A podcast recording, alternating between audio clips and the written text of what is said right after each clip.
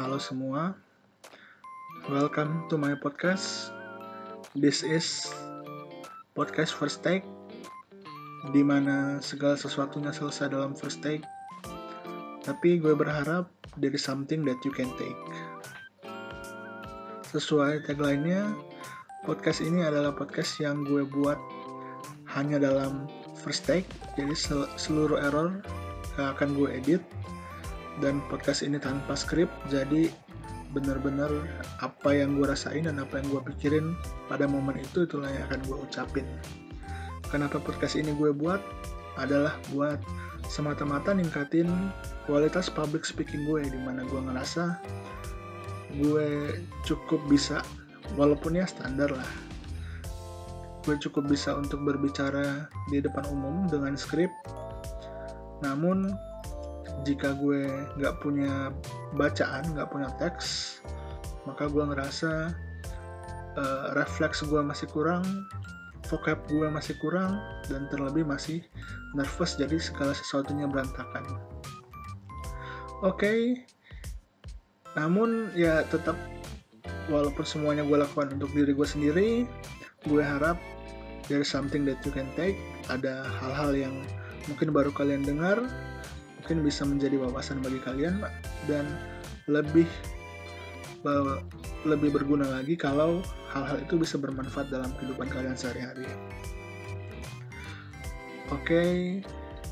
uh, eh, istilah first tadi bullshit dalam episode ini karena pertama gue mikirin podcastnya itu ngabisin waktu mungkin 15 menit dan gue udah ngetek beberapa kali untuk mikirin tagline. Gue mendapatkan tagline itu setelah beberapa kali tag. Dan terkait topiknya sendiri ini adalah tag kedua di mana tadi gue bingung ngejelasin sesuatu jadi udah 15 menitan mungkin gue cut terus gue mulai lagi. Jadi podcast first take untuk episode yang kali ini gagal. Episode perdana namun gue harap gue bisa benar-benar selesai dalam first take benar-benar tanpa editan di episode yang berikutnya. Oh ya nama gue adalah Mas Jo Pardi atau Mas Jo. Dan podcast ini kita akan ngebahas masing-masing episode itu ngebahas satu topik yang gue pilih itu sengaja adalah topik-topik yang mungkin tidak kita sadari atau tidak tidak terlalu penting juga lah ya, tidak berfaedah. Tapi uh, semoga ketika kalian menyadari ini mungkin bisa bermanfaat juga bagi kalian. Nah, di topik episode kali ini kita mau ngebahas sesuatu yang gue sebut dengan mode autopilot mungkin kalian yang udah familiar sama istilah ini mengidentikan istilah ini dengan dunia otomotif, transportasi uh, kendaraan, terutama pesawat, di mana pesawat itu bisa sampai ke tujuan melewati rute yang sudah ditetapkan dengan mode autopilot, di mana pilot nggak perlu ngapa-ngapain, nggak perlu nyetir kiri kanan atas bawah, pesawat akan bergerak sendiri sesuai dengan rute yang ada. Bahkan dengan teknologi yang ada beberapa tahun ini kita tahu ada mobil Tesla dia bisa mengendarai di jalan bahkan dengan ada kendaraan di sekitar adanya medan-medan seperti jalan berkelok atau ataupun mungkin kondisi jalan yang agak kurang baik dia bisa mengendarai si mobil ini bisa mengendarai sendiri dirinya sendiri tanpa uh, adanya kecelakaan gitu. Ini sudah digunakan secara luas di luar negeri. Mungkin di Indonesia baru akan secara lu uh, secara umum kita temukan beberapa tahun ke depan. Kira-kira lah ya. Tapi yang mau kita uh, gue bahas di episode ini adalah mode autopilot pada manusia kalian mungkin uh, familiar pernah ngerasain juga ataupun bahkan mungkin kalian bisa manfaatin mode autopilot ini. Kalau gue gue suka uh, manfaatin mode autopilot ini yang paling sering adalah ketika uh, lari ataupun ketika bawa motor. Kebetulan untuk ke kantor pergi dan pulangnya gue itu bawa motor. Saat ketika gue bawa motor lah misalnya jadi gue itu untuk pergi gue ngedengerin musik dan juga pulang. Namun uh, cuma sebelah di sebelah telinga aja biar gue masih bisa ngedengerin klakson ataupun ngedengerin suara-suara yang lain. Dan volumenya itu juga cuma 20 30 ya cukup untuk gua ngedengerin lagu lah. Dan kita uh, mungkin sering ngalamin ini di mana ketika kita dengerin lagu ketika pikiran kita lagi kayak fokus ke lagu ini kita masih bisa ngendarain motor gitu. Atau mungkin nggak ke lagu tapi pikiran kita lagi di mana gitu. Kita lagi mikirin tugas kantor yang belum selesai kita lagi mikirin tugas kuliah yang mau dikumpulin atau kita lagi mikirin uh, mikirin pacar mikirin orang tua ada lagi masalah ketika kita lagi fokus sama hal-hal yang kita pikirin ini kita tetap bisa ngendarain motor di rumah sampai kantor ataupun sebaliknya uh, kita bisa sampai di tujuan dengan selamat tanpa kita ngerasain. Inilah yang mau gue sebut di topik kita kali ini dengan mode autopilot pada manusia. Ini sangat bermanfaat kan, apalagi pas lagi macet-macetnya, kita badan kita sendiri secara fisikal ngerasain itu, ngerasain momen-momen macetnya, ngerasain capeknya, tapi pikiran kita itu nggak ngerasain, jadi cuma kayak ih kok gue nggak ngerasain macet ya? Seperti itulah ya. Gue juga punya pengalaman sekali itu gue pergi ke rumah teman gue ketika gue kuliah di mana per, uh, ini awal-awal gue masuk kuliah dan gue nggak tahu rumah teman gue ini di perumahan yang beda sama perumahan gue ngekos. Ketika mau ke rumah teman gue gue jalan bareng teman gue teman gue yang lain tapi pas balik gue jalan sendiri gitu. Dari rumah teman gue ini ke pulang ke kosan gue. Pada saat pulang ini gue kan awal itu bareng sama teman gue sama sekali nggak tahu jalan. Nah tapi gue coba metode ini metode autopilot ini. Jadi gue kayak random aja sambil denger lagu jalan nggak mikirin jalan sama sekali nggak mikirin kiri kanan. Kalau ada pilih kalau ada pertigaan uh, secara refleks langsung badan gue yang mutusin gitu. Bahkan gue nggak nggak mikirin saat jalan jadi gue cuma fokus dengerin lagu aja dan ternyata emang bener gue bisa keluar dari perumahan ini sampai ke jalan yang gue udah familiar dan gue bisa pulang dengan selamat gitu. dengan tepat waktu juga nah kenapa sih ada mode yang istilahnya autopilot ini di dalam pikiran kita atau dalam otak kita. Nah, gue udah melakukan riset sebelumnya dan sebenarnya fenomena ini udah diteliti oleh ilmuwan, jadi bukan hal yang hal yang tidak diketahui lah ya di dunia sains. Jadi mode ini atau fenomena ini sebenarnya dikontrol oleh yang namanya default mode network atau DMN kalian bisa cari di Google jadi DMN ini apa? Dia adalah suatu jaringan di otak yang terdiri dari uh, beberapa struktur yang nggak cuma di satu bagian otak nggak cuma di otak depan mungkin atau otak belakang. Jadi dia ada di beberapa tempat. Dia kayak sesuatu jaringan gitu. Dan dia ini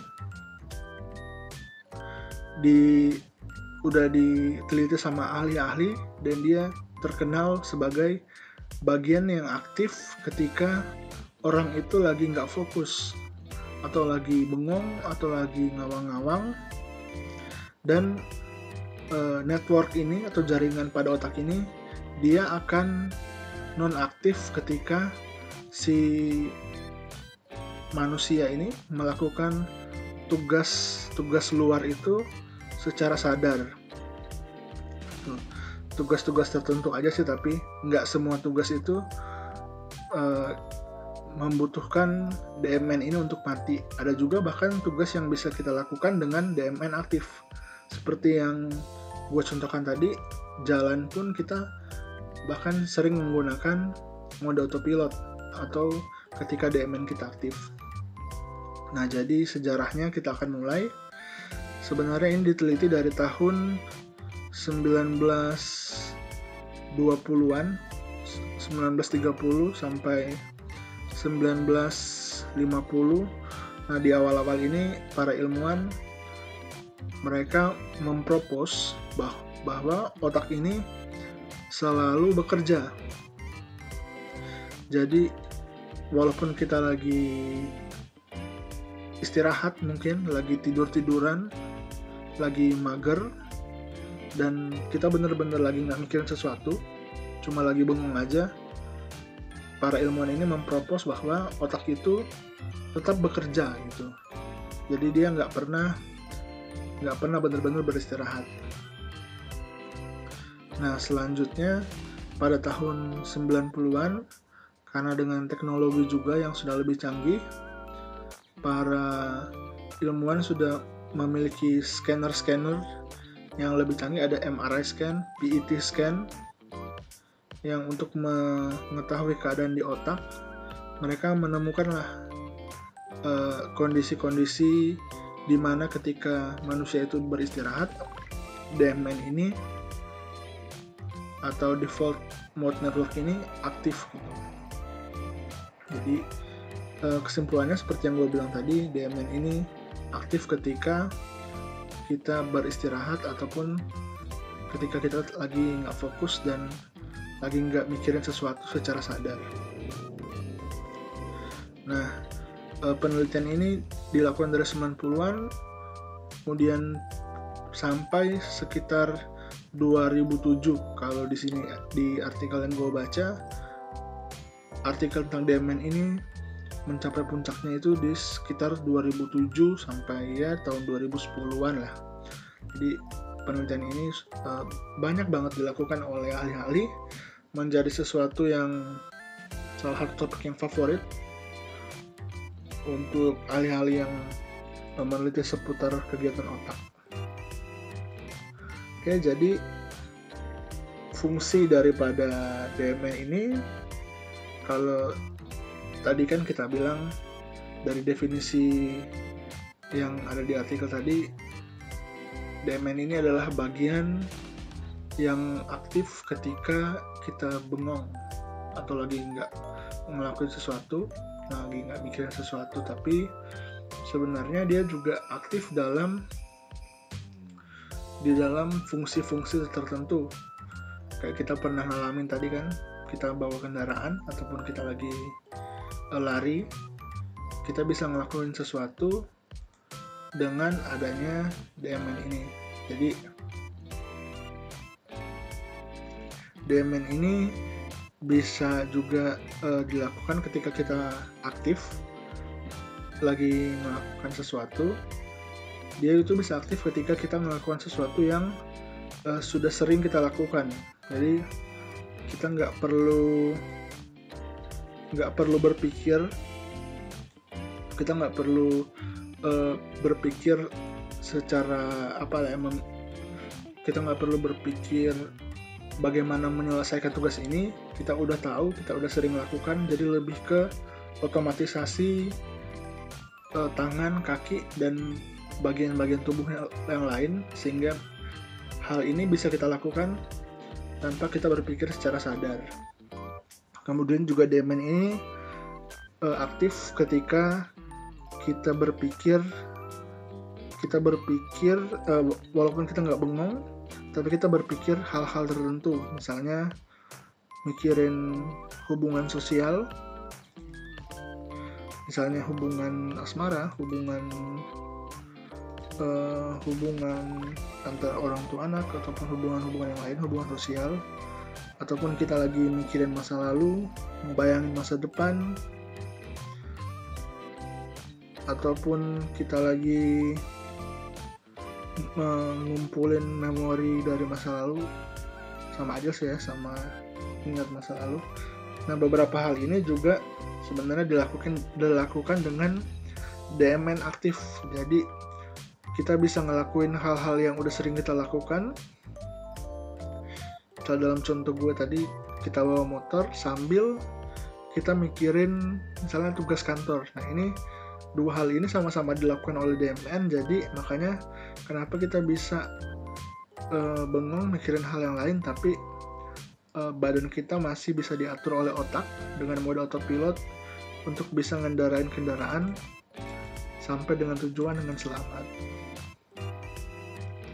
Nah, uh, kapan DMN ini non aktif dia ini non-aktif menurut penelitian saat uh, kita melakukan tugas-tugas yang sifatnya eksternal gitu.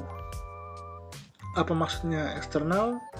Jadi eksternal ini ya dilakukan dengan uh, dilakukan dengan bagian tubuh kita, misalnya tangan atau kaki, yang membutuhkan perhatian visual ataupun uh, perhatian perhatian yang lebih dalam kita melakukan dan juga gimana kita harus membutuhkan keputusan membutuhkan pengambilan keputusan ketika kita melakukan tugas ini gitu. Jadi misalnya kita uh, ngajain soal ataupun kita melakukan hal yang baru di mana kita butuh fokus, kita butuh perhatian yang lebih.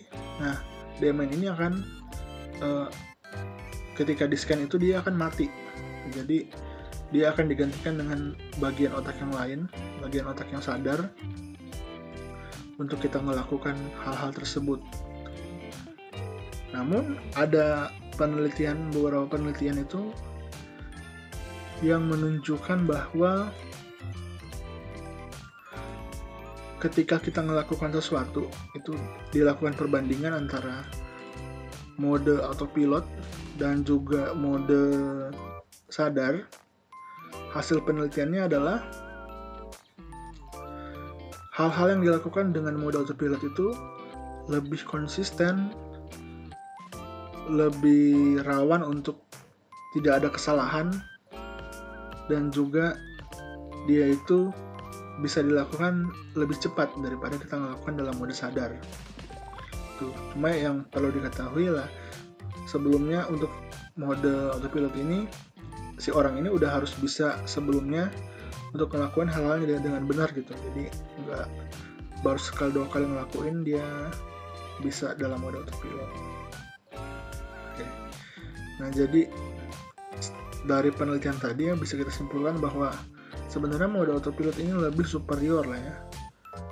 DMN Master Race jadi kalau semuanya kita bisa ngelak gue mikir kalau semuanya kita bisa ngelakuin dengan mode autopilot kenapa kita perlu ngelakuin dengan mode sadar gitu ya? Dan memang sebenarnya inilah yang kita lakukan dalam kehidupan kita sehari-hari. Ketika hal-hal itu udah sering kita lakukan otak kita itu otomatis. Kita bahkan nggak perlu mikir kan mana nggak ada switch yang kita turn on turn off di dalam kehidupan kita. Otomatis kalau kita udah sering kita udah sering ngelakuin otomatis yang akan bekerja itu adalah mode DMN atau mode autopilot ini. Gitu. Dan kayaknya hal-hal yang mau gue bahas tentang autopilot ini cukup sampai di sini aja. Semoga ini bisa bermanfaat bagi kalian. Semoga kalian bisa sadar oh inilah yang namanya mode autopilot ya. Kalian mungkin sering ngalamin tapi baru dengar istilahnya dan baru dengar mengenai penjelasan sainsnya mungkin segitu dulu aja dari gue. Pas ini udah mau 20 menit. Eh sudah 20 menit lewat. Sampai jumpa di podcast first take berikutnya. Bye